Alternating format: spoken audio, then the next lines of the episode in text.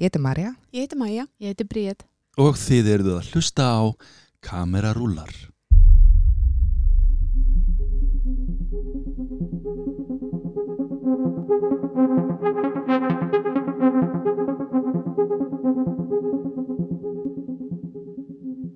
Við setjum hérna í Nova Sirius stúdíu podcastöðvarnar og hjá okkur er Yngvar E. Sigursson leikari. Verður velkomin. Takk fyrir. Hvernig hefur það? Ég hef það bara mjög gott sko, já. Já, tilbúin í að fara bara gegnum þinn feril og söguna og... Já, já. Smá bara. svona bransaspjall. Já, Já. við erum að reyna þetta sko. Já. Við ætlum að byrja á einni auðveldri, segi ég. Hver er uppáhalds bíómyndiðin og af hverju? Já, sko, uh, ég, ég er sko einn af þessum gaurum sem get ekki ákveðið mig eins og til dæmis ég þurfti að skrá mig út úr þegar Gallup eða eitthvað sem sko var alltaf að ringja í mig og, og ég gat ekki svara einni spurningu upp á þú veist, þú veist að því að það fer eftir svo mörgu Mm -hmm. þannig að hver er besta miðandi það fer nú eftir ímsu þú veist en sko þegar ég hef stundum sagt þegar ég þarf að svara þessari spurningu það er mynd sem ég sá svona uh, á, held ég á listaháttið fyrir einhvers konar kvikmyndaháttið sem var hérna held árið 87 eða 88 og hún og svo mynd er rúsnesk og heitir Come and See Já, hún er geggjuð. Já. hún er, hún, já, wow, gaman að eh, heyra þessi viðbröð því að hún hafði svo rosalega áhrif á mig Emmitt. og, Hún setur svo í manni. og ég, ég hérna horfði á hana svo bara strax aftur á sömu hátíð Mhm. bara ég fór heldur daginn eftir að daginn þar aftur og svo sá ég hana fyrir nokkrum árum síðan og, og var bara undrandi hvað hún er já bara, ég átti ekki á orð bara hún hafði, veist, kom til mín aftur svona Mhm. svakalega sterk Já, ég hugsa svo mikið um hana, þú veist, reglulega. Að hún setur svo mikið í manni þessi saga og bara, já, hún er hún sýnir manni sko bara, þú veist, hvað stríð er ógeðslegt sko. Emmitt. og svo er hún líka svo falleg þessi mynd. Og svo fallega skotin og hún er stundum er hún ljóðræn og stundum er hún uh, svona abstrakt sko, hún er bara eins og svakalega listaverk en samt ekkert sko, ég meina, ég, ég held að allir gætu þú veist, það er- þetta er ekkert sérstaklega fyrir bara sérstaklega kvikmynd að gera fólk þessi mynd Alls ekki. hún er bara, eða must see Mhm. þetta er allir að horfa á hana og þetta eru, já, í alvörunni Ég ætla að horfa á hana. Já. Þetta er örgulega í fyrsta skipti sem það kemur upp mynd þar sem við Marja erum báðar búin að sjá myndina en Og ekki, ekki Bríet. já, einmitt en já, það er svo fallegt fólk í henni sko Já, og mér finnst alveg ótrúlegt að sjá líka bara breytinguna á stráknum aðal karakternum í myndinni, bara hvað hann eldist í myndinni. já, og það er, það er einmitt svo vel gert að því ég man, man sko þegar ég sá hana síðan aftur fyrir einhverjum að, að, að, að þá hugsa, já veist, þetta er svo vel gott gerfi með að við líka á þessum tíma sko Já, og það er líka bara eins og þú veist, þegar maður skoðar myndir af hermunum sem voru til í alvörunni og. Já. berjast í setnastriðinu til dæmis Aha. að bara áður en þeir fóru í stríð og síðan þeir eru komið heim úr stríði bara Einmitt. af því að þetta er það sem gerist í Já. alvörunni þegar menn fara í stríð einmitt, en hún er alveg rosalega hún já, stingum henni í hjarta já, ég bara held ég geti haldið mig við þessa mynd, bara alla æfi þetta er uppáhaldsmyndi minn, hún er aður engin mynd held ég haft svona svakalega ára á mig Já, Já. Gott svar. Já. Já, við það, frábært hár. Að myndin Já, hafi svona áhrif á mann. Ég, annað er bara, einmitt. og síðan einmitt eh, alla stríðsmyndir eftir þetta hérna, voru greinilega rosalega mikið að taka Mhm. stela frá henni sko einmitt. Nákvæmlega. mm, allir svona hljóðin hljóðið, ég man bara hljóðið í þessari mynd eru svakaleg mm Hún er bara svo virkilega velgerð með að við hvenar hún var gerð. einmitt. Veist. Ó. Algjörlega. Núna langum maður að fara að horfa á hann aftur. Já. en ef við tölum nú aðeins um þig, mm hvaðan ertu, hvernig byrjaði þetta allt, hefur alltaf langað að vera leikari, -hmm. hver er yngvar? Já, ok uh, Ég sko, ég veit ekki hver ég er nákvæmlega en uh, ég veit að ég ólst upp í bústæðakvarinu í, í ástrykkir fjölskyldu, ég var yngstur af sex sískinum og er uh, og uh, langingstur. Þannig að ég átti í rauninni ástrykka foreldra og sískinni sem ég, ég átti eða svona, þú veist, fimm sísk, fimm, hérna Auka fóraldra. auka fóreldra þannig að, að að en lífið var samt þannig að ég var sendur í sveit og svona ég reyndi mislegt þannig að ég já, var sendur í sumabúður sem ég vil nýka ekki þegar ég var sko, 7 ára og, veist, og síðan aftur þegar ég var 9 ára og þú veist, algjör, algjör pain sko. og svo uh,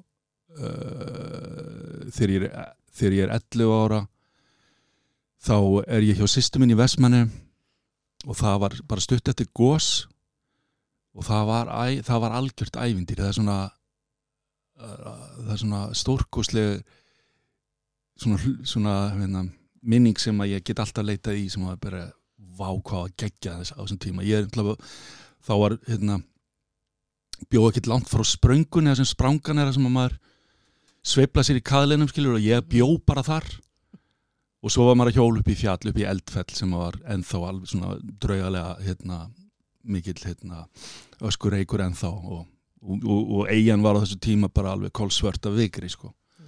Þannig að þetta maður... er svona ævintýr fyrir 11 ára pegi sem er allast upp í Reykjavík. Já, algjört, þetta var svona, já. Og svo var ég mitt farið alltaf á lögatum með skóplur og hjólpörur og hrífur inn í Herjólstall til að mm -hmm. svo að veri hægt að halda þjóðatí sem fyrst sko. Það tók nokkur ára en uh, já síðan hérna já ég var sérst í Breðegeri skóla og Réttáhaldsskóla í bústæðakvarinu og síðan fer, já, er ég í sveit fyrir norðan sendur í það sem að hérna, ég er ættar úr pappamegin úr húnafsíslunni að hluta til og uh, ég er ættar úr húnafsíslunni, dalasíslunni og frá hérna á Norðfyrði fyrir austan, mamma er það já. og uh, mér finnst já, þegar ég fer til þessara stað þá finnst mér svona, hú veist breytist í forföður mín á mm. bara næri hjartengingu já, ég virkilega ég, hérna liði vel á þessu töðum og, og þar var ég að, hjá æðislegum ég var á stað, á, á stað sem til staðabakki í Vesturúna á Síslu og þar var svona já, það var svona eldrun fyrir úlingin sko. það var, var æðislegt æðislegt fólk sem ég þykir svo væntum og já, svo hérna þegar ég hérna í mentaskóla og svo flytja fóröldra mínir í í, í borgarna þegar pappi var símstöðastjóri þarna. Og á þegar ég er í mentaskóla hérna heima í Reykjavík og og, og það einhvern veginn þegar pappa máma fóru þá veist, og ég held að ég myndi vera áfram í Reykjavík og alltaf bara verið á bróðum minnum og en uh, en einhvern veginn þá þá kom ekki að losa mig sko og ég saknaði bara pappa mamma en þá og uh, ég fór fyrst fór ég norður aftur að sem ég hafi verið sveit fór að vinna og, og sýstu mín bjóð þar og ég var að vinna með máið mínum í múrverki og í Bingavinn og, og í Sláturúsum líka á Kvanstanga og alltaf þetta frábæra hinsla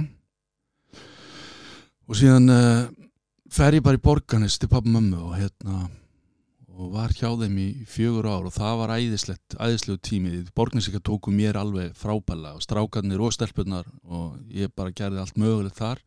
Og til dæmis byrjaði leikfélaginu var uh, að því að vinkona mín tvær vinkunum mína voru, voru í alltaf að taka þátt í einhverju síningu eh, dúbnaðuslinu eftir Haldur Lagsnes og, og svona námskeið á undan sem að ég ætlaði bara að vera í því en ekki verið leiksýningunni því ég mátti ekki vera það, ég var í skóla og, og að vinna með skólanum og svona. Þannig að ég var sérst í fjölbrut á Akranessi og uh, já, svo bara hérna var lagt harta mér að taka eh, að mér eitt hlutverk í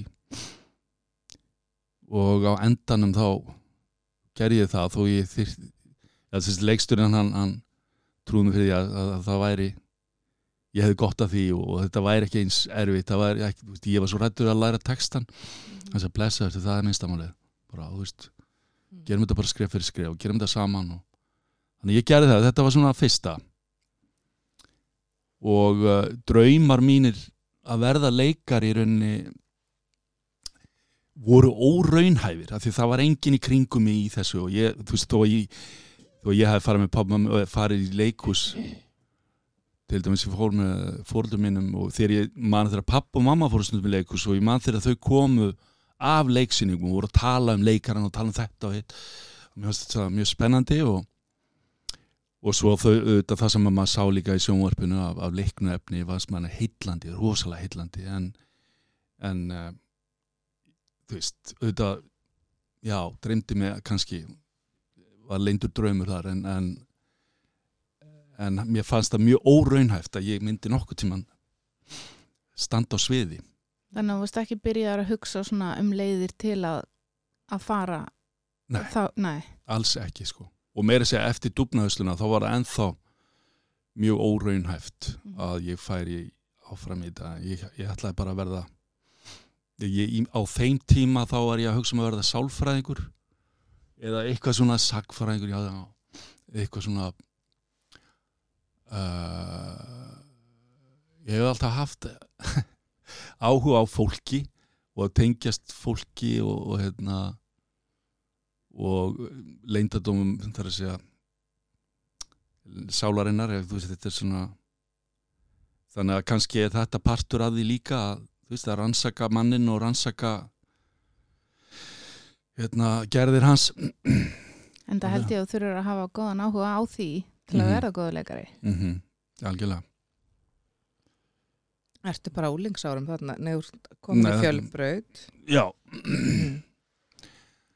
og uh, síðan er það þannig að, að uh, gamall vinu minn uh, úr barnaskóla hann, ég hitt hann og ég var að fara í sem sagt, interrail ferðala með frængu minni og kærustunum minni og og hérna um Evrópu.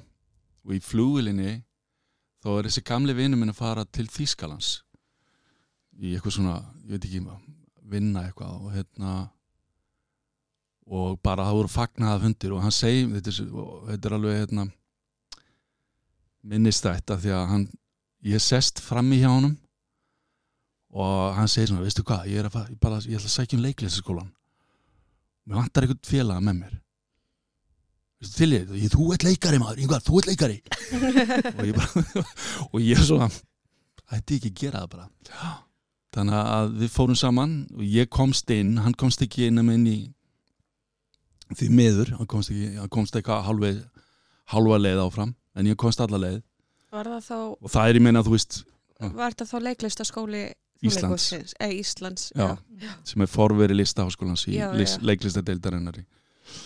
og hérna og rosalega gott fjögur ára nám. Ég menn þó þetta hafi verið ekki á háskólastíði þá var þetta mjög þú veist mjög hérna magna nám sem ég hefði ekki viljað missa Einmitt.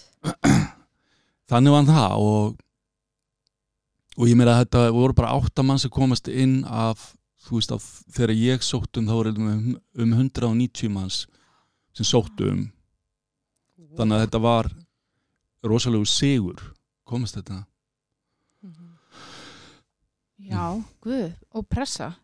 Eða ekki? Jú, rosa pressa og hérna, þú veist, þessum minkar alltaf hópurinn og svo var þetta komin í 16 manna hópin og, og sá hópur vinnur saman svo náið í bara heila viku og við, erum- við kynnumst svo vel og þá er þetta svo, oh, þetta er svo sárt að sjá á eftir fólki sem kennst ekki inn. Mm. Helmingurinn af þeim Já. kemst ekki inn. Mm En hvernig var þetta nám? Það var bara, þú veist, það var æðislegt að það var bóklegt og verklegt.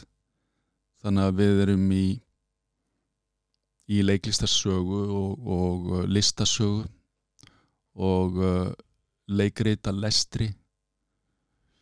Og við erum í, í tónlistanámi, við erum í tónlistarsögu og, og, tón, og hérna, við erum í, í tónfræði í rauninu og, söng, og söng.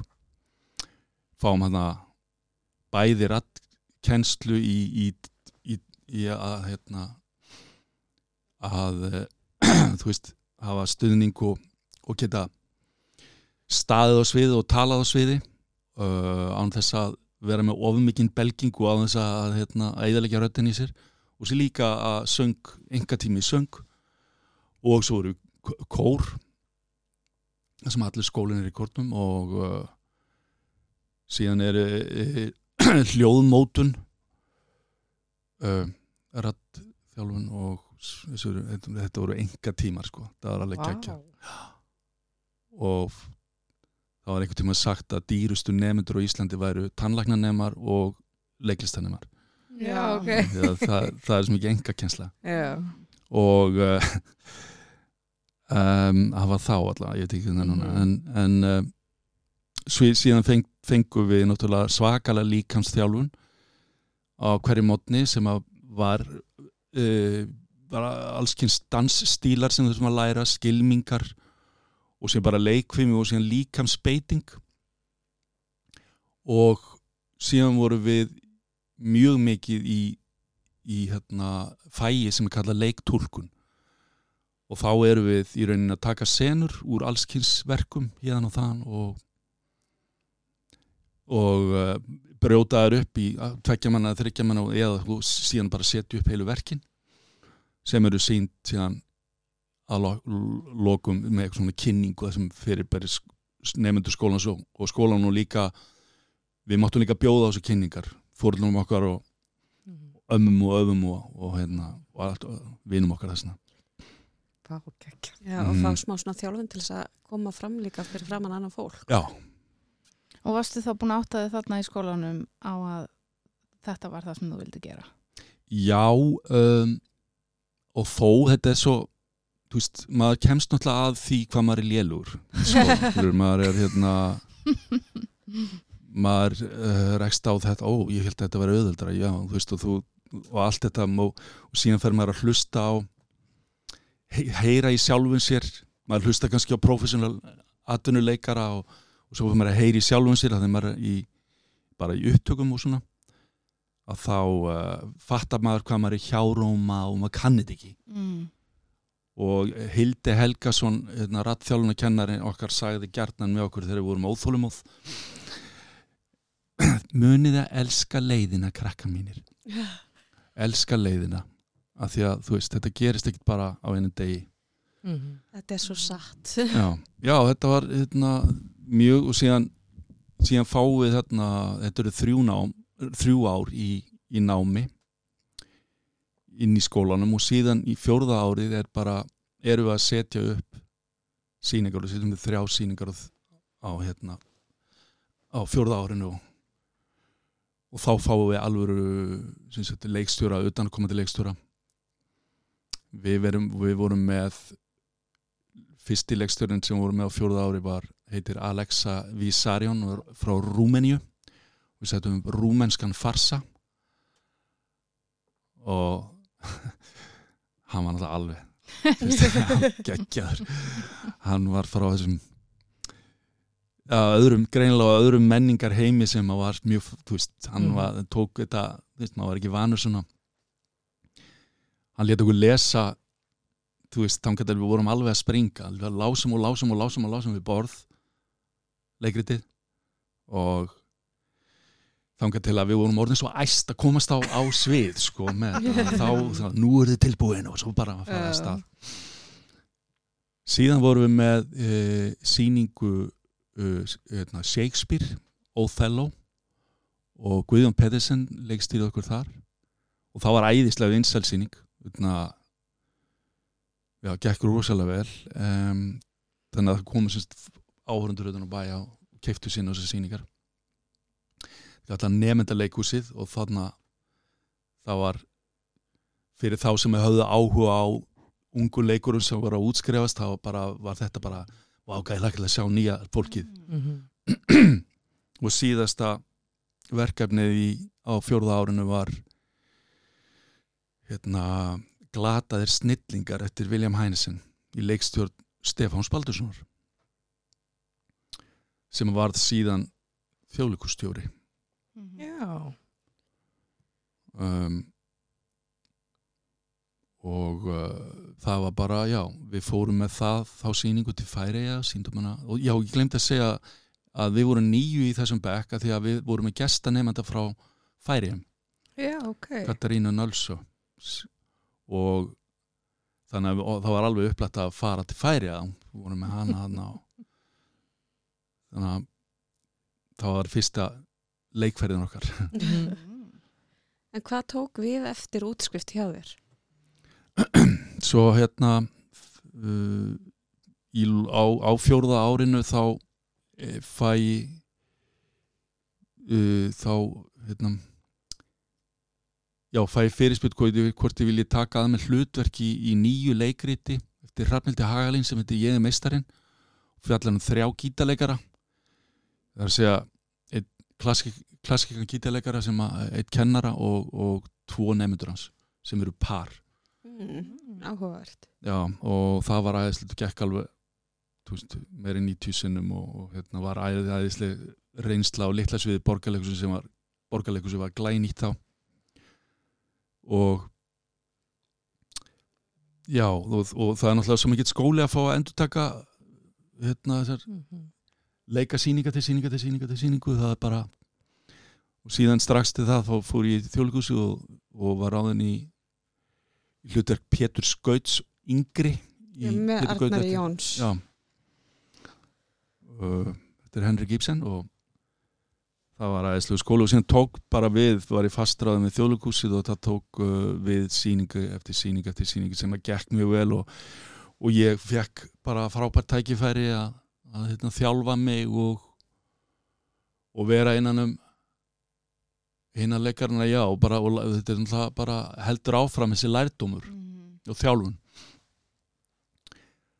og um, ég var þarna í tíu ár svona fast, föstum samningi í þjóðleikusum þegar ég hugsaði að ég get ekki svona mannur sem sko, þú veist, ég hugsaði að snundum er þetta sjálfselska eða eitthvað, ég get ekki verið hérna lengur Mm.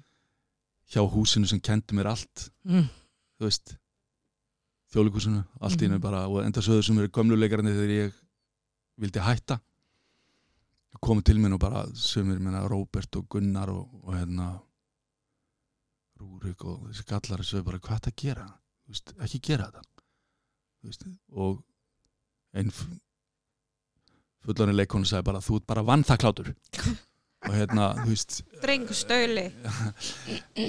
og uh, að því að ég meina í þá daga þegar þau voru ráðin þá var þetta svo svakalegur sko, þú segir ekkert upp í þjóðleikusinu Mm. á þeim tíma, þú ert komin inn í þjóðleikusi en uh, það voru breyttir tímar og voru bara tímar voru að breytast, held ég og núna er fólk ekkert á samningi endalaust þetta er bara, Fólk fer bara á milli leikúsa og bara, já Te Mhm. tekur að sér alls konar verkefni og það er náttúrulega kvikmyndagerð og þáttagerðar og líka svo sterkur þáttur í dag einhvern veginn í verkefni á Mhm. leikurum. Já, þannig að ég fór hérna mm, var líka að, þú veist, það var að vera að lána mig þjóðleikursi var að lána mig í borgarleikursi var að lána mig í, í, í hérna, leikhúsfrú Emilíu og í uh, einmitt að þið hvað heitir hérna, sem Marja Ellingsen stopnaði hún réði mig í hlutverk hérna, þegar ég var einmitt í fyrstum samningi í þjóðleikusinu sem heitir Svanurinn eftir Elisabeth Egloff mm. það sem ég leik Svan Ó, sem breyttist í mann wow. Marja Ellingsen leik hjúkunarkonu sem að hérna, Annað svið. já, annað svið já. Og við vorum þríleikarar Björn Ingi Hilmarsson og Marja Ellingsen og ég. Og þetta er svona og við vorum með amerískan leikstjóri sem heitir Kevin Kulki og þetta er semst um, um konu, hjúkunarkonu sem að er búin að vera í missefnuðum ástæðsamböndum í gegnum tíðina. Hún er núna á þessu tímabili þegar leikrið byrjar á, í ástæðsamböndi við mjölkubílstjóra sem Björn ekki leik og, og svo gerist það í einhverju rifrildi hjá þeim að það kemur það flýgur svanur bara á gluggan og húsið hjá henni.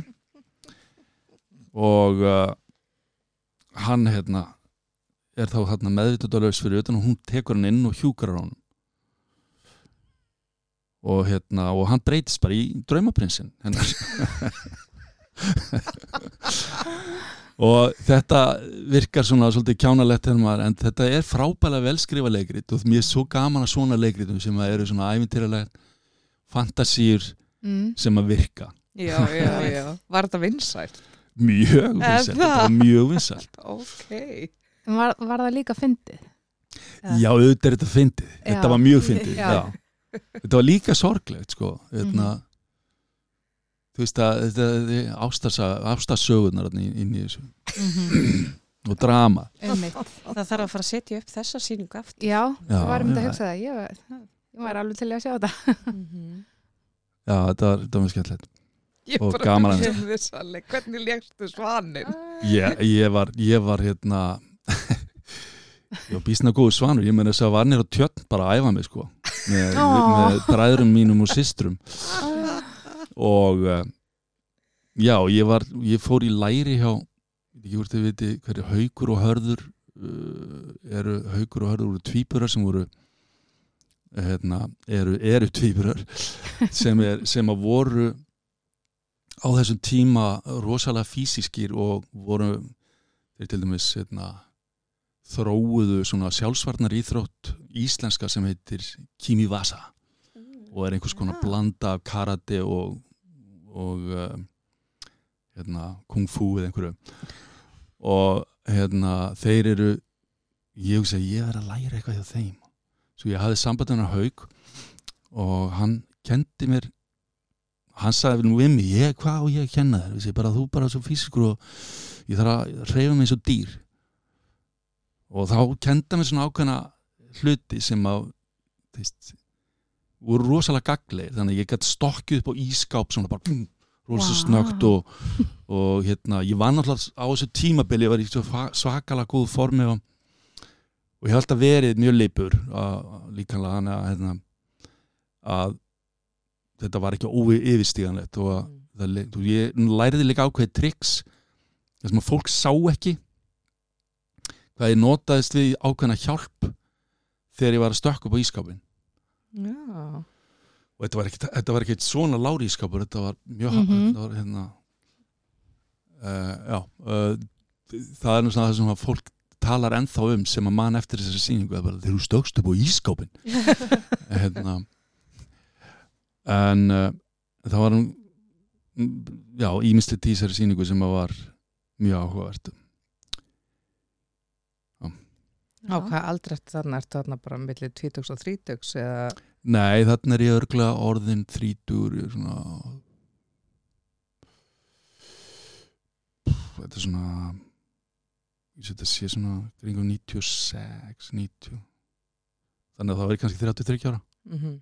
Mhm. En sen ertu, þú veist, einmitt, hættir í, vilt hættir í þjóðleikursinu og ferð þarna í leikópin hjá Marju, þarna í annars við. Hva, en hvernig verður sér framvindan eftir það? Langaði, var þið farið að langa að vera í bíó og eitthvað svona? mm, Nei, nei, ekkit svo þú veist, ég var ekkit að hugsa þannig, já, mér langar að gera þetta mér langar að gera hitt, þetta bara gerðist þú veist, ég meina ég fekk uh, fyrsta hlutverki mitt kemur nú allar reynda bara mjög, mjög snemma í kvikmynd þarna bara þetta, fljótlega eftir ég útskrifastu skólanum það var Ingaló. Og sem ég leik ungan sjómann. Og uh, eftir Ástís Tórat sem var leiksturinn og, og svo auðvitað, þú veist, kvikmynd að gera á þessum tíma og svona frekar fátak og síðan þegar því að næsta held ég að hafi verið svona eitthvað að viti held ég sko djöflæjan þegar að Freyrik Þór sett upp djöflæjan á Elska tjöflæðin. Já, mikið ekki og sá, svo fer þetta að aukast mynd eftir mynd eftir mynd já, kjölvar þannig, englar alheimsins eru þarna Kringum aldamótin. Íslenska bíómyndi mín. Og það er bara út af þér. Það, sko, Það hefði engin annar geta gert þetta eins og þú. takk það er líka sko, það er svo góðir frasar í Mm -hmm. hérna, englar alheimsins eins og þegar í byrni er undir að reyna að breyta sér í kvadratrótina fjórum eða eitthvað Mér finnst það svo ógæðslega fyndið. ég veit að þetta er alltaf snild. Og það var alveg magna að gera það. Um, það var líka svo að þetta var eitthvað svo frábært sko handritið. Og síðan voru sum, sumar sinnur um að las þar og segja, ó, þetta örgla, örgla mjög asnalegt, sko, hvernig var að gera það? En svo var Frikki og og hann hérna kvikmyndatökumæðurinn hann var norskur tók líka upp fálka Hal, uh, Harald Pólgard Mm.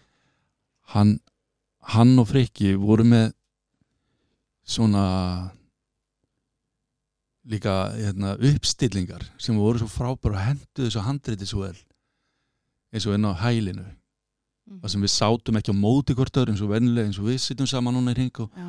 Heldur, þú veist, við töluðum svona í sikkvara áttina og, þið ekki einmitt fram og við horfðum ekki framan einhvern annan, vorum svona að tala og þá allt í hennu, búm virkaði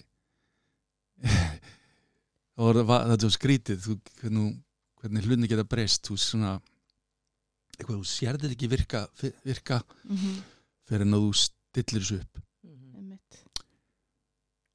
og uh, það var mjög, já, Allir svo ólíkir karakterar en Mhm. samt svo flottir saman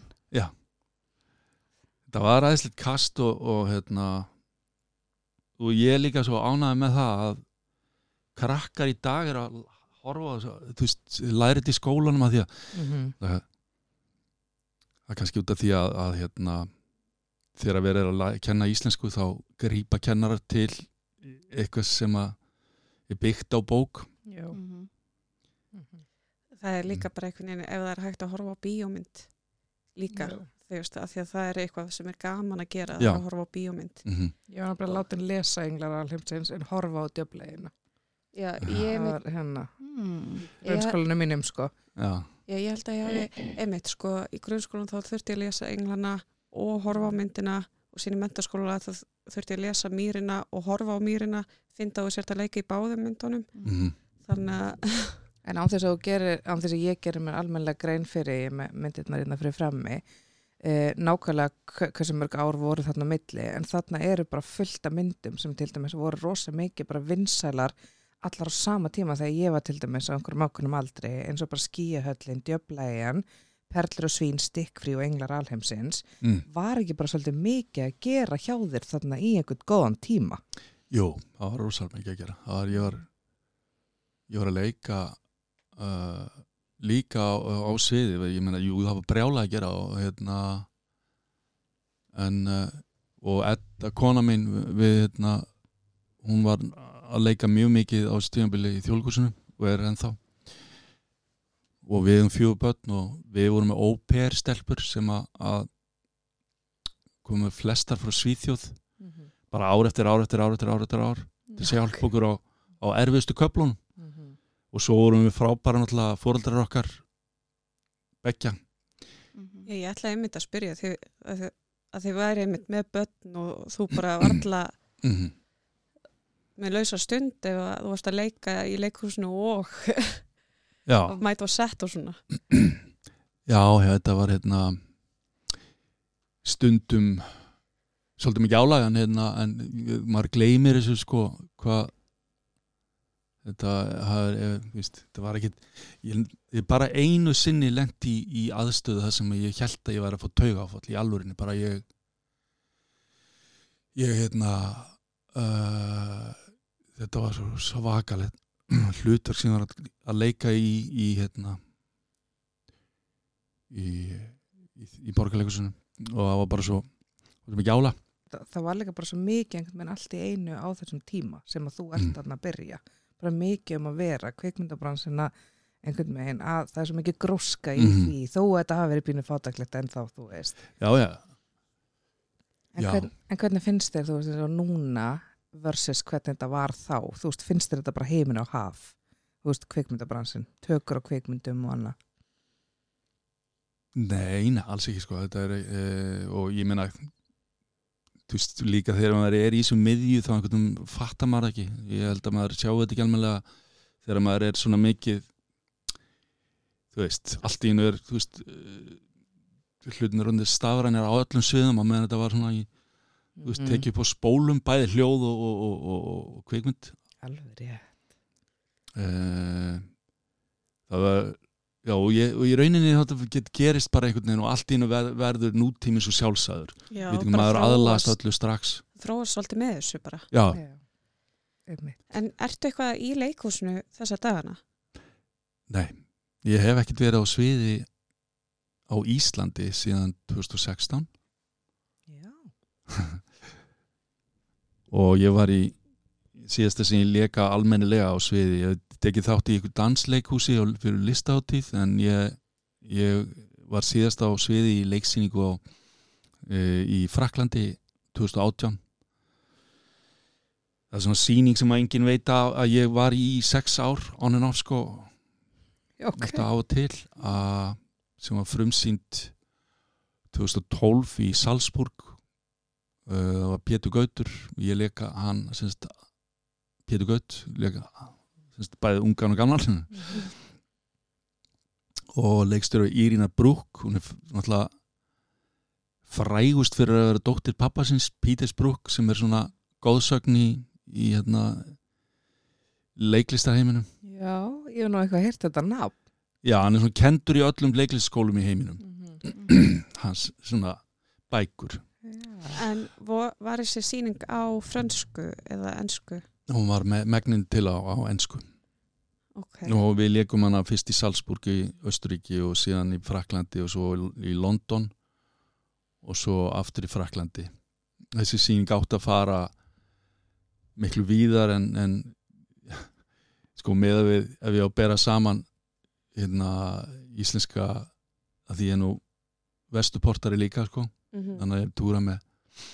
Þannig að ég að bera saman framleiðsluna hérna leikhúsframleiðsluna að Vesturporti með við það, þá er Vesturport sko bara í, í toppi sko þegar Mhm. Mm. hvað, hvað var þar að láta hlutin að gerast Já. Rosa öflug. já, Ég- Mér finnst það svolítið líka, ég, ég var að hlusta á, já ég var að hlusta á drauga fortíðar um eitthvað mál sem að gerist hérna á Íslandi, það sem að þjóðverjar verða skipleika hérna. Og Íslandingarnir bara láta hlutin að gerast og þjóðverjarnir voru einmitt svolítið svona, hvað er að gerast? mm. Mér finnst þetta að vera svolítið viðlóðandi við Íslandingar, þeir segja alltaf að þetta reddast, Mm en þeir gera alltaf eitthvað í málunum til að láta þetta gerast, að reddast. já, já, algjörlega það er, Bara labba í það er svo mikil munur og maður skilur ekki byrju hérna ég var með þess að sjálfur er hann að redda hérna, að því að sko Iggy Pop gerði músikina við þessam sýningu hann að Pétur Gaut úti Mhm. Björk Geint Vá, ok. og, og hann hérna leikarinn hann Sam Shepard Mhm. hann gerði hérna leikgerðina að hluta til með Ok. Ilmur og hérna þegar hún var að reyna að hafa fyrst upp á Sam Shepard þá hún hvort ég þekkt hann og ég sagði, nei, ég meina, ég þekki hann ekki persónulega en Baltasar vinnum minn tækir Já. getur þú reynda ná þannig að ég talaði bara alltaf bara, þú veist það, ég meina það endaði með því að hún skrifa hann bara, þú skrifa hann bara bref Já. og þetta gekk það Mm. Þegar hún gerði það lóksins Já. Þannig að loksins. virkar að skrifa balta bref Nei, ekki Balta, nei, nei na, ég er að tala um na, Sam Shepard, bara Já. fara beint í hann hjólaði bara beint í mannin Nákvæmlega. eins og þegar hérna, gís, Gísli la- Gísla langaði svo að hafa Nick Cave í, mm. Í Wojciech við settum upp Wojciech og, og og þessi djöfallar er gott að fá Nick Cave maður. það var æðislega að fá Nick Cave Mm. alltaf bara, að ég ætla bara að ringi í hann Þú veist, náttúrulega hafði sambandi við umbóðskrifstöðan hans og Mhm. svo fær hann bara símtal daginn eftir þegar hann er búinn að hann sagði frá, hey, it's Nick Oh my god, það er geggjað. Og hann til? veist, þannig gerast hlutinir í Vesturporti. Það er bara að þú ringir í mannin sjálfan. Já. og það er aldrei að vita. Það, þú fær þá alltaf bara nei. Nákvæmlega, það er að. Nick Cave var með okkur í þremur sýningum. Vá. Það er geggjað. ég fór á Nick Cave tónleika mm, þegar hann kom hérna fyrir einhverjum árum. Já. af því að ég elska tónlistina en þetta var hrikalega leðilegt já, af því að ég áttaði mig ekki á því þetta hétt eitthvað Conversations with Nick Cave ég áttaði mig ekki á því hann ætlaði bara að vera að. Ákveður er randið þarna allan tíman. Ég var bara, við vorum farnar að geispa þarna vinkonunnar. Bara mm, næsta lagt, hann kannu tala, sko. Já, hann er vonið ekki þín núna. Hver finnst þér svona mun, hver er munurinn fyrir þig að vinna í svona stóri Hollywood mynd og að vinna í mynd heima? Uh, það er bara í rauninni uh, maður kynnist öðru fólki það er, ég þekki alla henni þetta er svo lítill heimur hér en, en munurinn er einkennilega lítill. Það er bara að það er meiri peningar það er meiri allt stærra, stærra, stærra en, en grunnurinn er bara kvikmyndagerð er eins, allstær í Já. heiminum. Og það verður í rauninni svolítið svona bara heimilistlegt sko, að koma Já. á sett og vita, já, ég það bara ég kann þetta, veist, Já. það er að segja ég kann á þetta. Mhm, svo er bara að að, að, að, að þú veist, þegar maður líka þekki ef maður þekki leikstjóran þá er þetta, og batterið er bara, þú, að hvort sem það er hérna heima á Íslandi eða í Bandaríkjunum eða hvar sem er með heyrum, það verður að ganga smurt fyrir sig, mhm, því að annars er bara peningri í húfi og líf í húfi já, af því að það er svo, þú veist, það þarf að vera svo vel ski- skipulagt Mhm. þannig að maður gengur inn í hennar skipulaða heim og síðan er þetta bara spurningum að vera í góðu samtali og skilja hausin á leikstjóranum og, og vera inn í uh, já, í góðum, góðuri orku með, með samleikurum sínum og, og sminkunum og mhm. búningahönnum og En hvernig, hérna, eins og forröndin, hvernig náður þau þessum góða enskar heim? Mm, ég er ekki góður í hansku sko, ég er uh, en hérna.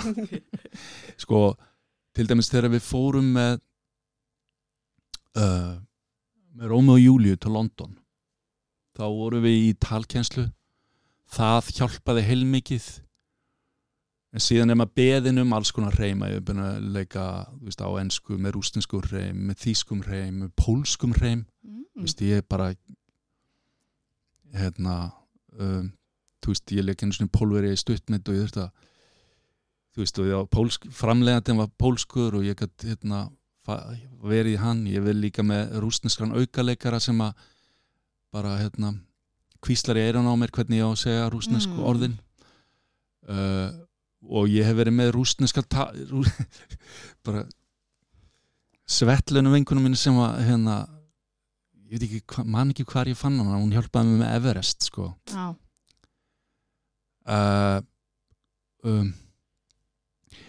og já uh, þetta er bara maður, maður bjargar sér bara sjálfur hermir eftir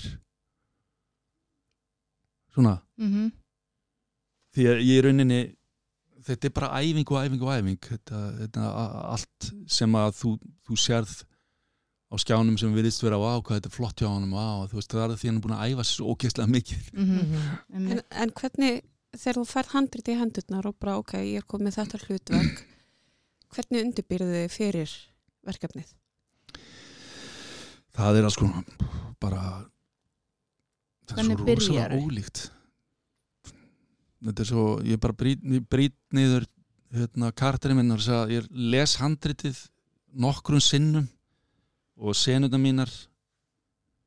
Þú veist, þetta er svolítið mikið að, að þú veist, því oftar sem þú lest þá sérðu alltaf eitthvað nýtt. Mhm, og svo fyrir að sjá tækifæri í karakternuðinum ef hann er algjört fíbla, getur litaðan með alls konar, já, hann er ekkert svo þú veist, þú getur fundið alls konar í honum. Mhm, og síðan bara við aðstæðunar sem að hérna hann karakterinn er í. Þannig að þetta er illa bara svo ef hann þarf að kunna eitthvað sérstakt þú veist, ef hann kann þarf að vera þú veist, þarf að skjóta af boga eða eitthvað, þú veist, þá þarf ég að læra það. Mhm, ef hann er vanur í að gera eitthvað ef hann er til dæmis listmálari þá get ég ekki bara þú veist, já, já, það verður ekkert mál ég verð að, mhm, þú veist, eins og talandi með fyrsta leikrið sem ég leki á, á, á sviði í hérna, borgarleikusinu þá þurfti ég að læra á klassikan gítar áður en ég fór að þykjast vera ég veist að vita hvernig ég ætla að meðhandla gítarinn þú veist, hvernig ég þannig ég fór alveg í tíma, alveg í langan tíma sko. já. þetta er rosa mikið svona þarfst að finna rótina af því sem þú ert að fara að gera. Þú getur ekki bara fake it till you make it á sviðinu ekkert alltaf. Mm. Nei, ekki alltaf. Og hérna og þú auðvitað getur sloppið með það þú getur, hérna, ég get alveg sagt þú þessi, ég er æslega klári að þykjast vera góður í einhverju, já, já, já, en það er ég það kannski ekki. En frá þá byrjun, bara frá því að þú færð handreit og þanga til að myndin og, eða verkið er búið, hvað er svona þinn uppáhaldspartur? um, þetta er náttúrulega bara það er það er bara gaman að, að þú veist, oftast nær. Ég er alveg hættur að segja ef að ég mér líst ekki að þú veist, ef það er eitthvað off og ég bara sé ekki sjálf mig í verkefninu þá þá ger ég ekki. Ef, en, en þess vegna er þannig að verk, flest verkefni eru svona já, mér finnst gaman í vinnunni þegar ég er í vinnunni mér gaman til dæmis í byrjun mér gaman að, sjá hluti og síðan bara verið samtali við leikstjóran og, og, og smink og búninga og uh, gaman tökutíðanbölnum mér finnst líka rosalega gaman í eftirvinnslu að koma í, hljóðstúdíu og, og, og geta breytt hlutum og að þú getur breytt, nefnilega miklu, þú getur breytt setningum ef að þessi setning virkar ekki. Um, þú getur komið inn á milli getur kallað inn einhverja setningu sem er off-screen. Já, til þess að, að, að fylla upp í eitthvað sem að, sem að og mér, mér finnst það mjög gaman. Og, þú að, og það er gaman að geta gert veitu, hérna, þú, þú ert ekki sáttur við hvernig setningin fellur af vörðinum að þá getur þú laga Já, á, í hljóðstúdíu En ertu að tala inn einhverja teiknamyndir? Hefur verið að gera það eitthvað? Já, ég gerði það náttúrulega aldrei fyrst það var þarna, hvað hétt þetta, stöð þrjú Þarna, stuð þrjú. já, sem var svona það var þarna eitthvað eitt eða tvö ár sem að voru teiknumynda geggjun uh, þannig að allir leikarar voru fengnir í talin og teiknumyndir svo var þetta líka bara fyrir þú veist, það sem að eh, fyrstu árin þá fekk maður æðislega reynslu maður var að æfa í leikhúsin á daginn eftir fjögur þegar æfingatíðum var búin þá fór maður upp í útvarp að leika í útvarsleikritum og þannig að maður fekk þetta, þetta og, og eina sko, þjálfuninni að vera kvikmyndaleikari það er að, að vera í útvarpinu að leika fyrir mikrahónin Mhm. það er rosalega hérna, mikil skóli. Af því að mikrahónin lígur ekki allt sem er veist, hann, hann, þú blekkir ekki mikrahónin Mhm. þú verður að vera þarna alveg jafn, jafn uh, sannur eða það er að segja já uh, er laus við ego bara, þetta er bara, þú veist, aðgjörðs að opna þig og vera inn í sögunni Mm. Er ennþá að vera framleiða jafn mikið af útvarpsleikritum eins og var gert? nei, því miður Ég man bara þegar maður satt kannski að því að vinkonu mín bjóði sveit og stundum á sunnudum var alltaf sunnudagslæri í hátdeinu og maður satt og hlustaði á sunnudagsleikritið í útvarpinu. já, Þannig að það er svona, þetta er svona hlýminning einhvern veginn að já, maður gleymir að það hafi verið til útvarpsleikrit. En það voru alltaf sko og hverju fimmtaskvöldi voru út af sig þegar, það, þegar ég var að alast upp þá voru ekki, var ekki sjónvarp á fimmtaskvöldum Mhm. þannig að þá var bara pappa hlusta á útdagsleikrit upp í sofa og, og maður hlusta á það og, og stu- stundum var maður bara allt í hennu bara dottin inn í einhvern heim í, úr útvarpinu sem að hafði svakalega áhrif á mann Já, og bara ímyndunaraflið að vera að hlusta á eitthvað svona en engin mynd með. já, Mm.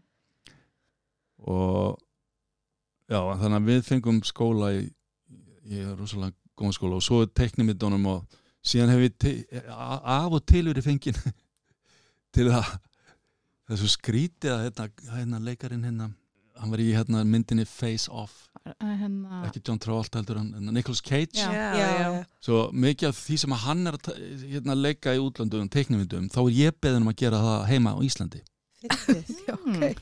þannig að ég hef verið í tveimur svona stórum verkefnum þar sem að hann hefur að leika og ég hef verið að fengin til að leika það hans er mjög áhugavert. Já. Ég er ekki Nicolas Cage fan, ég er alveg fan of you sko mm. skrítið að En á hvaða tímapunkti kynnistu koninni, þú veist, hvað varstu hann þá í skólanum eða voru þið bæði útskrifuð eða...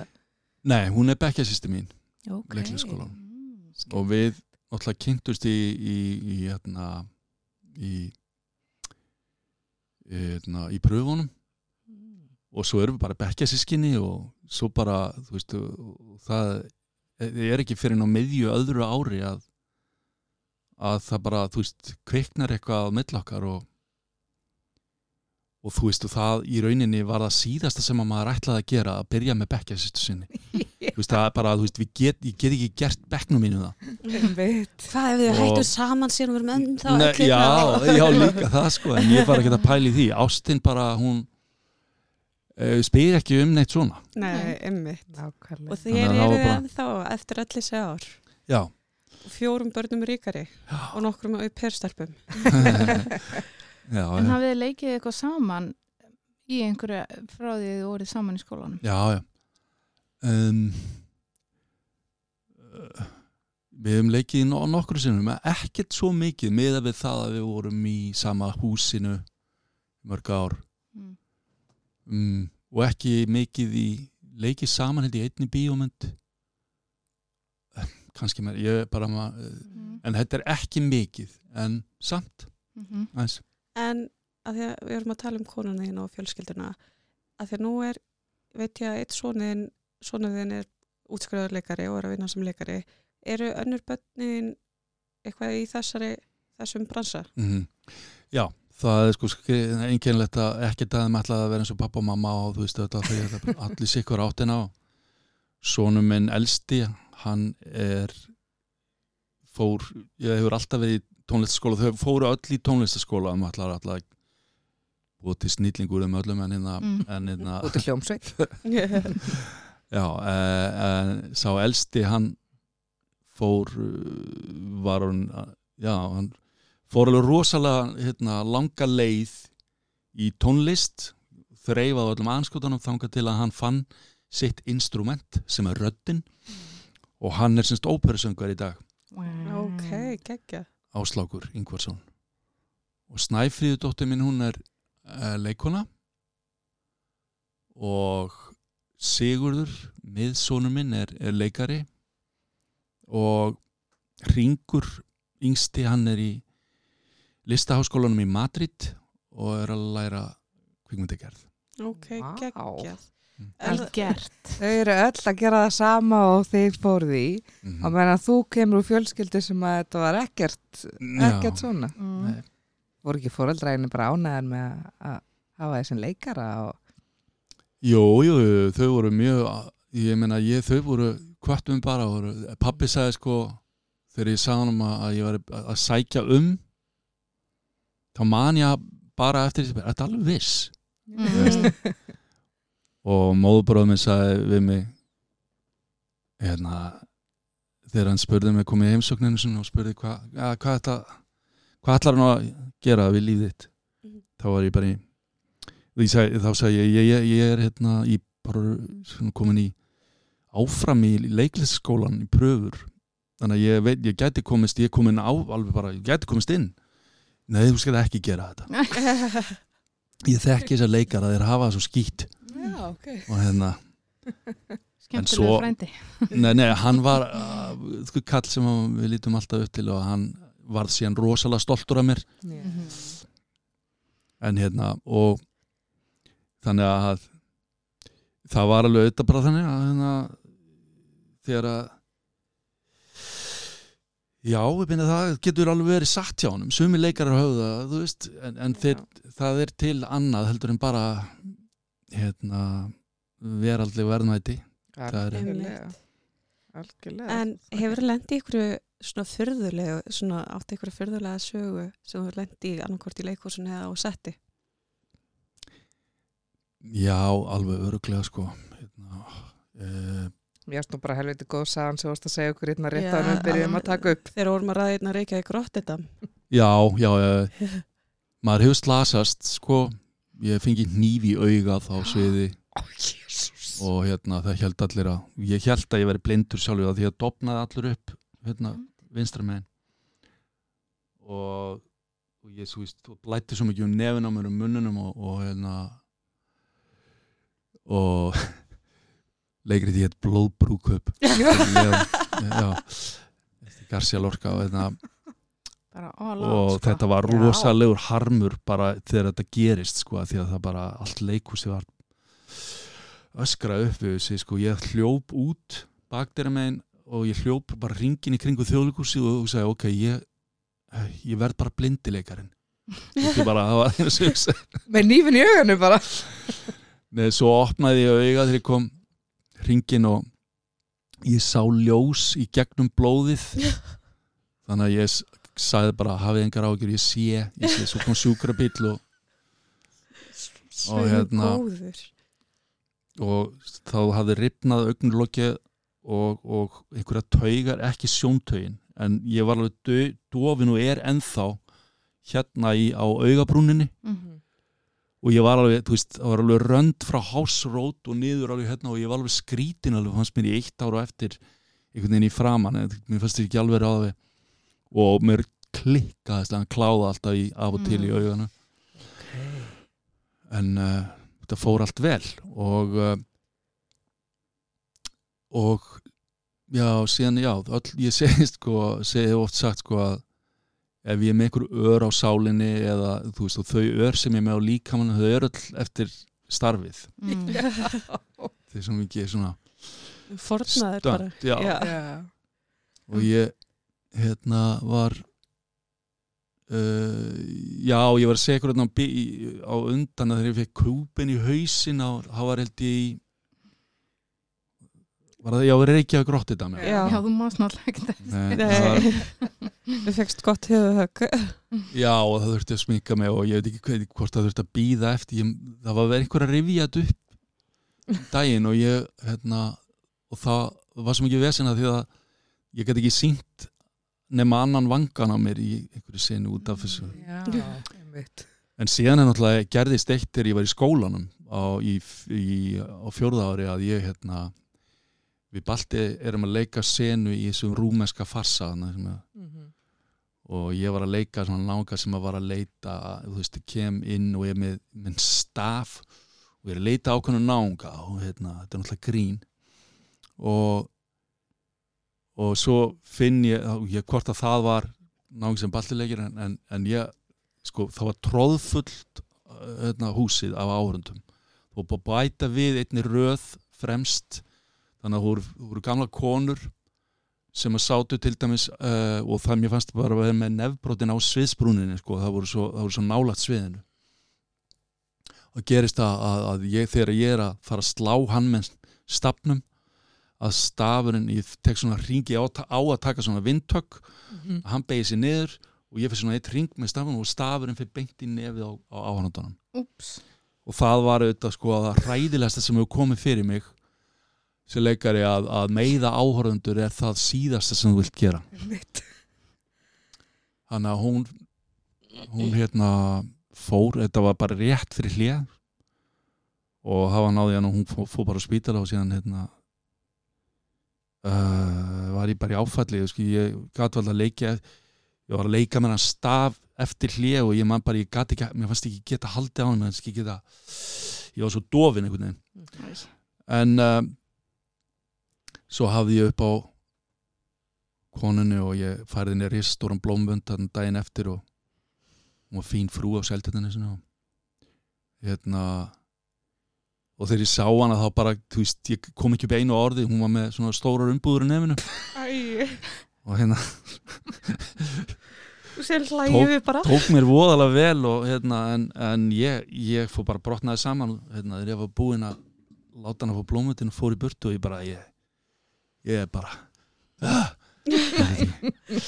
Æ. skellingin já, en hún tók þessi vel, það er nú gott já hún fyrir ekki að mér þetta á sem betur fyrir Oh my god Verður það ennþá stressaður fyrir nýjum hlutverkum? Já, ég verð svona bland, blanda af tilhlökkun og svona stressi, já, svona Mm. spenntur. Hvernig dílar við stress? Það fyrir þetta í sko sko þegar ég he- hefur verið sem mest stressaður þá bara þá get ég ekki borða og þá bara byr, þá byrja að kúast sko. Og ég er mjög klíugjart sko, þegar ég er undir miklu álægi þá stundum bara fer alltaf stað. Og það hefur gæst sko mjög mjög til hérna þegar ég er að frumsýna uh, það, er, það hefur gæst nokkur sinnum í gegnum tíðina veist að ég hef þurft að hlaupa inn á bað eða bara hlaupa til þess að ka- kasta upp fyrir sýningu og líka í bíómyndum það? bara fyrsta tökudaginn þá bara Er það? Hvað hefur verið mest krefjandi hlutverkið þitt? Þetta er vola, þú veist náttúrulega um, ég veit ekki þetta er svo erfitt að þetta er líka sko Langur list. já, langur tími menna, veist, um, og hvað er krefendi ég meina, þú veist, stundum er bara spennandi að hitta, heit, þú veist, ég er að fara að hitta nýtt fólk sem ég þekki ekki, ég ekki þekki engan eða, Mm -hmm. það er svona, ok, hvernig verður þetta Mhm. uh, ég meina ég, ég veit ekki hvað ég segja stundum þú veist þegar er, er mjög, mjög krefjandi þá er samt á sama tíma mest gaman Mm. þá er að setja eh, ábyrð á mann sem að hérna, maður er stoltur af ok ég ætla að díla við þetta, ég ætla að svo leysa að gera þetta Mhm. almennilega og það er hérna þannig að ég get það, þú veist, það, er- það sem er svona nærtækast það er Volaðaland uh, til Linn Pálmarsson sem var mjög svona brútal töku aðstæður og líka uh, krefjandi handrit til að rekna út karakterinn og, og þú veist hvernig hann að díla við hinna og svona. Mm. -hmm. um, já, veit ekki hvað að segja sko Ertu með eitthvað svona sem er algjört no-no þegar það kemur að þinni vinnu? Eitthvað sem þú bara svona, ég ger þetta ekki. öruglega en uh, ég var nú beðin um eitt fyrir ekki svo löngu síðan, það var nú bara í vor sem að ég sagði fyrst þegar ég, að ég var beðin um að svara getur þú svarað á morgun, getur þú lesið þetta handrit og því að við erum í svo mikil tímaþröng þetta var ber, brest verkefni. Eða já, svona brest, belgíst svona. Mm. og uh, þannig að ég yfirleitt þá er ég þannig að ég les ekki senuna mínar bara, ég byrjaði að lesa frá byrjun og til enda. Mhm. en að því að ég var þú veist, ég veit ekki að því að það stóð eitthvað þú veist, uh, nudity og eitthvað sexual lalala þá segja ok, ég ætla að lesa þessa senum þá voru þær bara uh, full on kynlíf með ungum strák. Og ég ég nenni þess ekki sko. Mhm. og bara svo las ég allt handritið. Þá voru alltaf þú með ekkert allt meiri sens og, og svo hafði ég sátti leikstjóran og, og hafði bara rosalega fýtt náungi og virtist vera alveg alveg hérna með þetta og svo tekkaði ég á, á framleiðandunum og þeir voru mjög, hafði gott orðspor á sér Mhm. þannig að þetta virtist vera allt og þetta allt mjög gott og uh, þannig að ég var þannig að ég sem mér og það var þannig sem hvað kallað hérna nándarþjálfi Mhm. og sálfræðingur og allt þannig að hérna að ég var, var ég var fullvissaður um það að, að þetta er því að ekkert þetta er því bara við værum að gera þetta saman við rólihitunum og þetta væri bara allt Vel gert, bara, já. svo ég kýldi á það, þetta var í rauninni bara ekkert mál á endanum að því þetta var, þetta var frábært þessi svona nándarþjálfi. Mhm. jafnvel þó að strákurinn sem ég var að vinna með væri frábær. Og við hefðum geta gert þetta án þess að hafa þjálfara. Þá var þetta samt meirhættar Já, Mhm. mér finnst þetta Það að vera bara mjög góð viðbútt inn í þennan bransa að Já. sé, þú veist, bara upp á mörg og mm. að það sé rétt gert og eitthvað Já. svona þannig að öllum líði vel. Einmitt, þetta var fínasta reynsla sko Já, En samt bara með dags fyrirvara eða þurfti bara svara daginn eftir. já, Já, ég var bara, þetta þurfti bara og mér var flóið út bara tveim dögum, svo ég, ga, ég gat stróðus inn á milli tveggja verkefna því ég sagði fyrst sko, ég eiginlega hef engan tími í þetta en þetta var eiginlega bara svona, getur redda okkur þurfum, Gekkja. Þetta er líka einmitt út að þetta er svona hlutverk sem er langar kannski aðeins að melda og Já. hvort er langi að að taka það og hvort þú getur það. Það er bara hérna svara morgun. Já, ég held að þetta sé triks hjá þeim sko, Já, ég meina, ég held að, að í alvörunni, ef ég hefði haft lengri um svona tíma að segja, að þið settu bara nennis ekki mm. já. Það verður kannski pælt aðeins meiri í þessu og svona, mm. nei, ég get ekki tróðið svona milli og svona. Mm Já. En ertu með eitthvað bucket lista? menar að bí, bí, bíómyndum Eða bara Já, er, er, til dæmis, ertu með eitthvað svona drauma hlutverk? Ah, veistu það, nei, ég er bara ég hef aldrei einhvern veginn átt svo leis drauma hlutur, ég bara drauma það er bara drauma handrið sem ég fæ, drauma leiksturi, drauma Mm. kast Mhm. og ég, þú veist veit ekki hvernig á að segja þetta en hérna uh,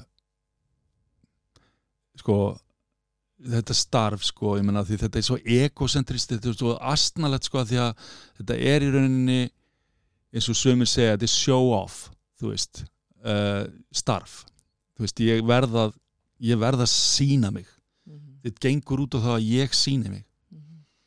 en samt skipti ég engu máli í þessu sko, þetta er ekki um mig þetta starf er ekki um mig þetta er Já. um þetta er eins og einn gamall leikstjóri sagði henni uh, hann sagði þetta er, þetta er spurning um samkomulag sem var gert hérna fyrir mörg þúsund árum þegar við vorum við eldin og eitt sagði sögu og hinn er hlustuðu.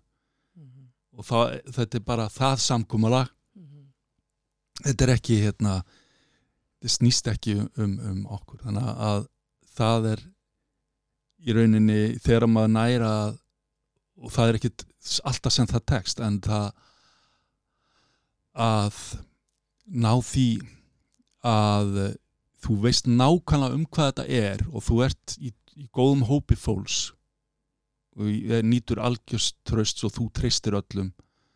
Og þá myndast eitthvað svona algjört egoleysi og, hérna, og verður til einhver klikkuð orka sem gerir masterpísið En við vorum að spjalla hérna áðan áður þú komst inn. Og þarna það er nefnilega til Facebook síða. Mm sama myndin af Yngvar Eða Sigursinni mm -hmm. veistu af þessari síðu? Já, ég, er hún til ennþá? Ja? Já, Já. hún er til ennþá. Hún er endar, sko, ég held að síðasta mynd hafi komið í janúar. Já, hún svona dettur út stundum en stundum byrjar að Hérna- hvað finnst þér um þetta? Átt þú þess að síðu? Nei, nei, hérna Hún er vel liðinn og, og, og hérna, Þetta er fín myndaður Já, Já. takk hérna. Já, ég var alveg, þú veist, ég var alveg mjög skelkaður eða fyrstir í þetta, veit, ég er þetta ykkur oh, ég er ykkur stólkarar en þetta er að var svo dulafullt eitthvað, ah, en síðan var þetta bara, já, ég var ekkert að spá þetta, sko, meira. Þetta er mjög styrlað Ég eitthvað er eitthvað að senda á einstaklingin sem sér um þetta og spyrja hvort það þau ekki að fara að koma aftur á stað.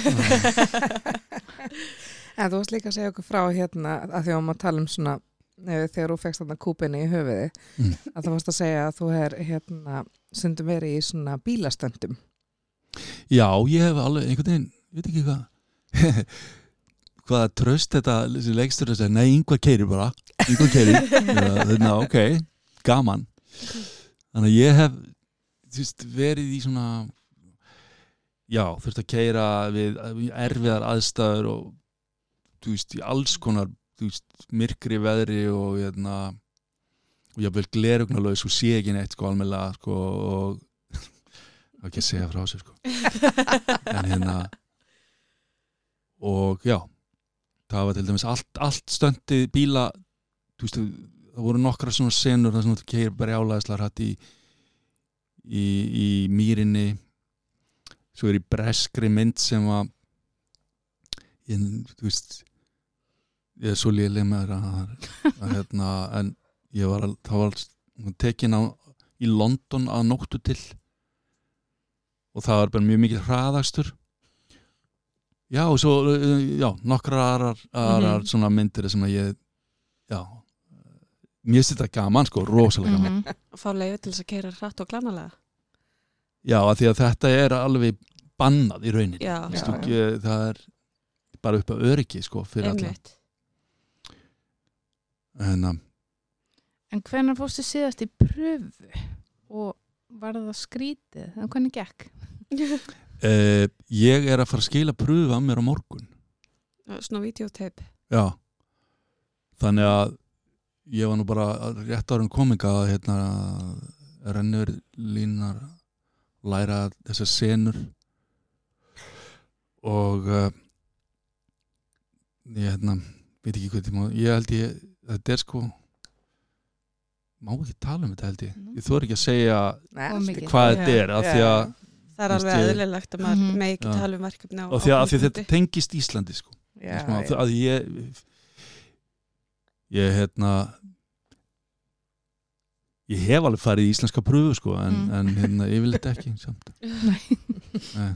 bara fengið til að koma en, uh, en til dæmis ég var í verkefni þessu hérna Rebel Moon Mhm. Ekki jakka, hérna, ég var æðislega ánæður þegar að ég fekk það hlutverk á þess að fara í pröfu fyrir það. Mhm.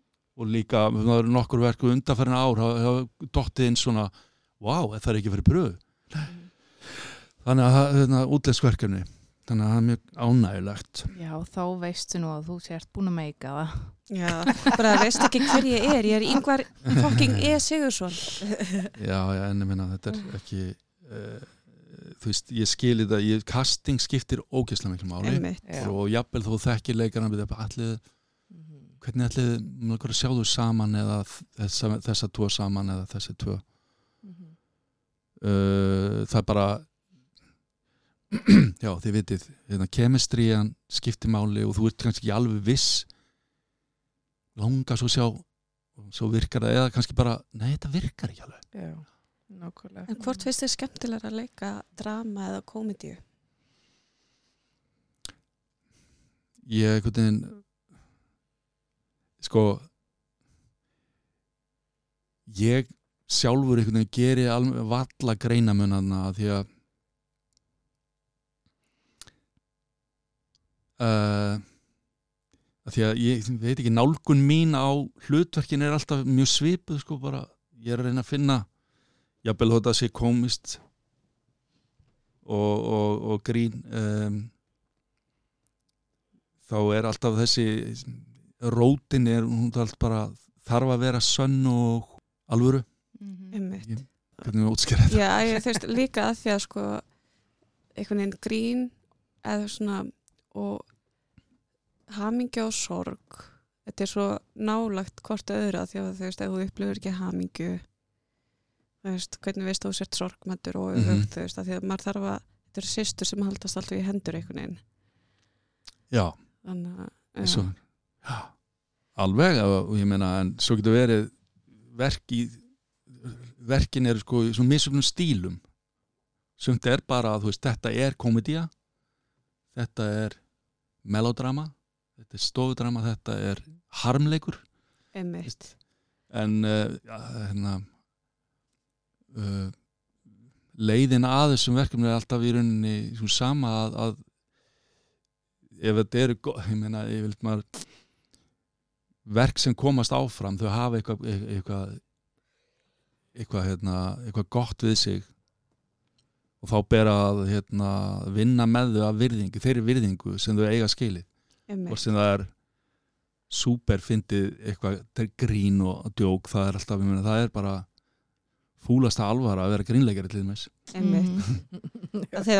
alveg erfitt. ja, þessi vandamál sem eru óksla fyndin þau eru svo raunverulega fyrir þann sem er að lenda í, í þessum vandamálum einhvern veginn Einmitt. Já. En ertu með einhver verkefni í vinsli núna sem maður má tala um? mm, sko, þetta er svolítið svona óljó sko, við að við hlinur Pálma sem vinnum svona, svona skringilega saman að hann sendir á mig, ég er að hugsa um þetta, þetta, þetta, hann er með nokkur verkefni í gangi. Mhm. og uh, ég tengist svona, svona þremur að þeim stert svona dýbra þannig að hann sendir mér að ég er að já, ég byrjar að undibúa verkefni sem verður kannski ekki fyrir en eftir fimm þú veist, fimm, sex, sjö ár kannski Mhm. Ah. kannski, þetta, þetta fer alltaf eftir sko svona hvernig næsta fjármagna þessar myndir hvort að þau, þau detta inn fyrr eða, eða eða það líður lengri tími eða hvort að ég detta upp fyrir Mhm. það er nú það og síðan er kemur í ljós í desember uh, hvort það verið framhald af þessari mynd hérna Rebel Moon Mhm. Já, ok eða januar kannski Mhm. Verður framhald af afturhelding? Eða Ég- er það?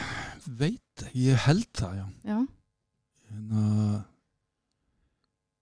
ég hef ekki farið í þá umræðust al, al- alvarlega, það var bara strax eftir að hitt var búið þá Mhm. var svo, þá var þetta svo upptendrandi að ég held að hafi, þeir hafi byrjað strax, ég held ég bara að, ég held að það hafi verið á ósk ríkisútvarsins að, að þeir hafi verið beðnur um að hugsa um framhaldið Mhm. Mhm. en uh, ég veit ekki hvort það er, eru komnir á einhver laun við að skrifa ég bara Nei, nei. Mhm.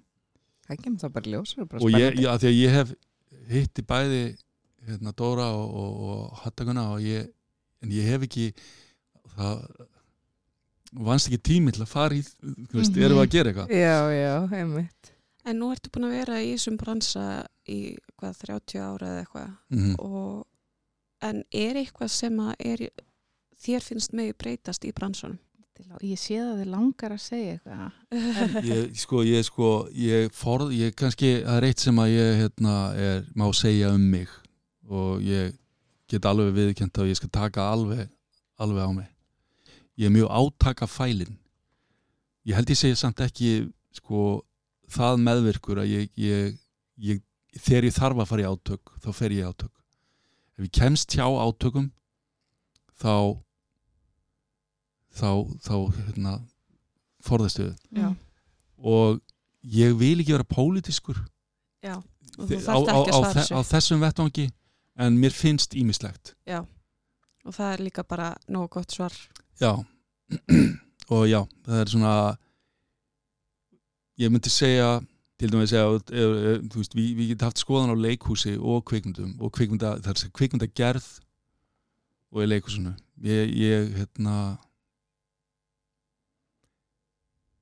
ég vildi ég vildi að það væri oftar sem ég sæi sýningar til þess á sviði sem að væru myndu rista mig dýbra uh, leiksýningar ekkert bara á Íslandi þú veist þetta e, við erum að ég geta alveg sagt þetta alveg hérna, þetta er allt í lagi. Ég fer stundum á leikhús þegar ég er erlendis þá fer ég á, á leiksýningar og þetta er ekkert betra þar heldur en hér. Leikhús er að breytast úr alvöru leikhúsi það sem að, virkilega þú veist þú hérna, þarft á allri tækni e, og bara e, hugrekki að halda til þess að, að, gera góða, segja góða sögu. En þau eru alltaf að breytast meira meira í einhver sjó. Mhm. og við erum alltaf að nota þetta tækni sem við, við þurfum oft að nota eins og mikrofóna og, og, hérna, og alls konar stæla sem væri, er gott að grípa til. En það er að nota þetta svo mikið þannig að, að leiklistin sjálf og, og, og galdurinn við að segja sögu á máttuðan hátt þannig að svona einhvern veginn feitast út og þetta verður bara allt bara glamur ah, þannig að þetta er það sem að mér finnst. Góðu punktur. Átti þá við að þú veist allar þessar aðferðir sem að er búið að þróa í gegnum árin af öllu þessu fólki að það er að deyja út af því við höfum svo mikinn aðgang að nýjastu tækni. Já, ég meina, en við þurfum ekkert öll að nota þetta, veist, þetta Nei. hefur alltaf verið við, það það verið sett upp sjó og, þú veist, sýningar bara, við, við tjöldum öllu til við búin til flugveldasýningu, þetta er bara búið að, hefur alltaf verið, en svo er eins og að það sé svo fátum ég veit það ekki, kannski er ég bara en ég sá sýningu nefnilega Mhm. að því ég var í litáin um daginn og ég var hérna fór af, fyrir algjöra tilviljun ég og, og Edda, kona minn, fórum á, á sýningu eftir eftir uh, rústneskan leikstjóra sem heitir Júri Butusov og hann uh, flúði Rústland í stríðinu eða fyrir stríða því að hann var srættum að vera handtekina því að hann er ekki, ekki hérna, liðin þar á stjórnvöldum. Og svo kemur þetta lit á hann og þá má hann ekki heldur vinna þar að þenni rússi þannig að hann er ég vorkenna öllum þessum rússum út um allan heim sem eru landlausir, þeir með, má ekki setja neitt upp eftir þá, þeir, þeir eru, má, má ekki setja upp Tjekkov eða neitt rússnest Mhm. og þeir, það má ekki sína þá og þeir með ekki gera neitt ekki ofinbella en þessi sýning var, var í hérna, og hann var að setja upp Tom Stoppard hérna, Rosenkrantz og Gullinstjarnar Rosenkrantz og Gullinstjarnar eru döðir og Rosenkrantz og Gullinstjarnar eru aukapersonur í, í Hamlet eftir Shakespeare. Og þetta gerist semst í sviðsvagnum. Og þetta er, þetta er æðislegt svona heimsbyggilega þetta er bara flott hérna, ég, og ég skildi í rauninni sýningun ekki að því að hún var á rúsnesku með litáskun texta. En að því ég þekki Hamlet þá svona gæti ég getið eðnar þetta er eitthvað svo stórkostlega sýning sem ég séð í mörg ár mm. og hún og þar er bara list leikstjórans og leikarana jásanlega í hérna hæstu hæðum sem að ég þú veist og við getum þetta Mhm. en við hérna við erum ofta að fara bakdýra megin inn og förum að tökum veist, að hlutunum í dag Mhm. Einmitt. Já, það er svona meira krefjandi listræna sýningar einhvern veginn í leikhúsin. Já, ok, ég meina þetta er, anstekilegt að segja þetta sem að við fólk sem er á, á sko blóðum hjánum að gera sýningar þú veist, en ég meina þetta er bara Ég held við skiljum alveg hvað átt við sko. já, Mhm. en, en, en samt er ég að segja fyrir suma væri þetta örgla mjög ósangjant að mér að segja svona. Ég veit það, ég veit að hérna, ég þekki, kollega minnir eru í, á sviðinu núna, Algjörlega. ég veit alveg hvað þau eru að gangi í gegnum Já. ég er að tala um bara sko, að þú veist, þetta er ekkit grín ég meina að þau eru þú veist ég er að því ég er hitti vini mína oft og hérna, þau eru stundum algjörlega búin á því eftir eina helgi Já. og alveg öll verkið og þú veist, þau eru búin að þú veist, ganga frá sér þannig að ég er ekki að, að þetta er að þú veist, leiðin að verkefnunum Mhm. Mhm. En langar þig ekkert aftur að fara svið leikusi. jú, jú, ég hérna þeir sé svona góða sýningu sko, eins og þessi rúsnesku og Mhm. og jú og ég meina hérna heimaleika ég hérna en ég en málið er að ég þú veist ég mun þú veist, ennþá því að mér er oft bóðin einhver svona hlutverk og ég hérna, ah, ég er ekki alveg en ég, ef að það kemur að því að ég fæ hlutverk sem ég get ekki sagt nei við Mhm. bara ég get ekki sagt nei við þessu það, og þá þýðir það það að það tengist Íslendingas sko bara sögu Íslands eða eitthvað, eitthvað sem að ég er mér finnst skipta máli að því að við erum ekkert að gera að ráði við litteratúrun okkar sko Mhm. Þú veist talandi um það að, að við séum að missa niður tungumáli og börnin okkar kunni ekki neitt og þú séu Mhm. bara fann að tala ensku þá þú veist sko akkur, akkur gerum við ekki meir í því þú veist, ég meina og ég meina ég get alveg verið hérna og kvartandi kettlingina og, en, uh, og, og gert eitthvað sjálfur en ég sjálfur bara einhvern veginn, ég veit ekki, ég kann ekki ég er ekki þjálfaður í því að skrifa handrit upp úr uh, Mhm.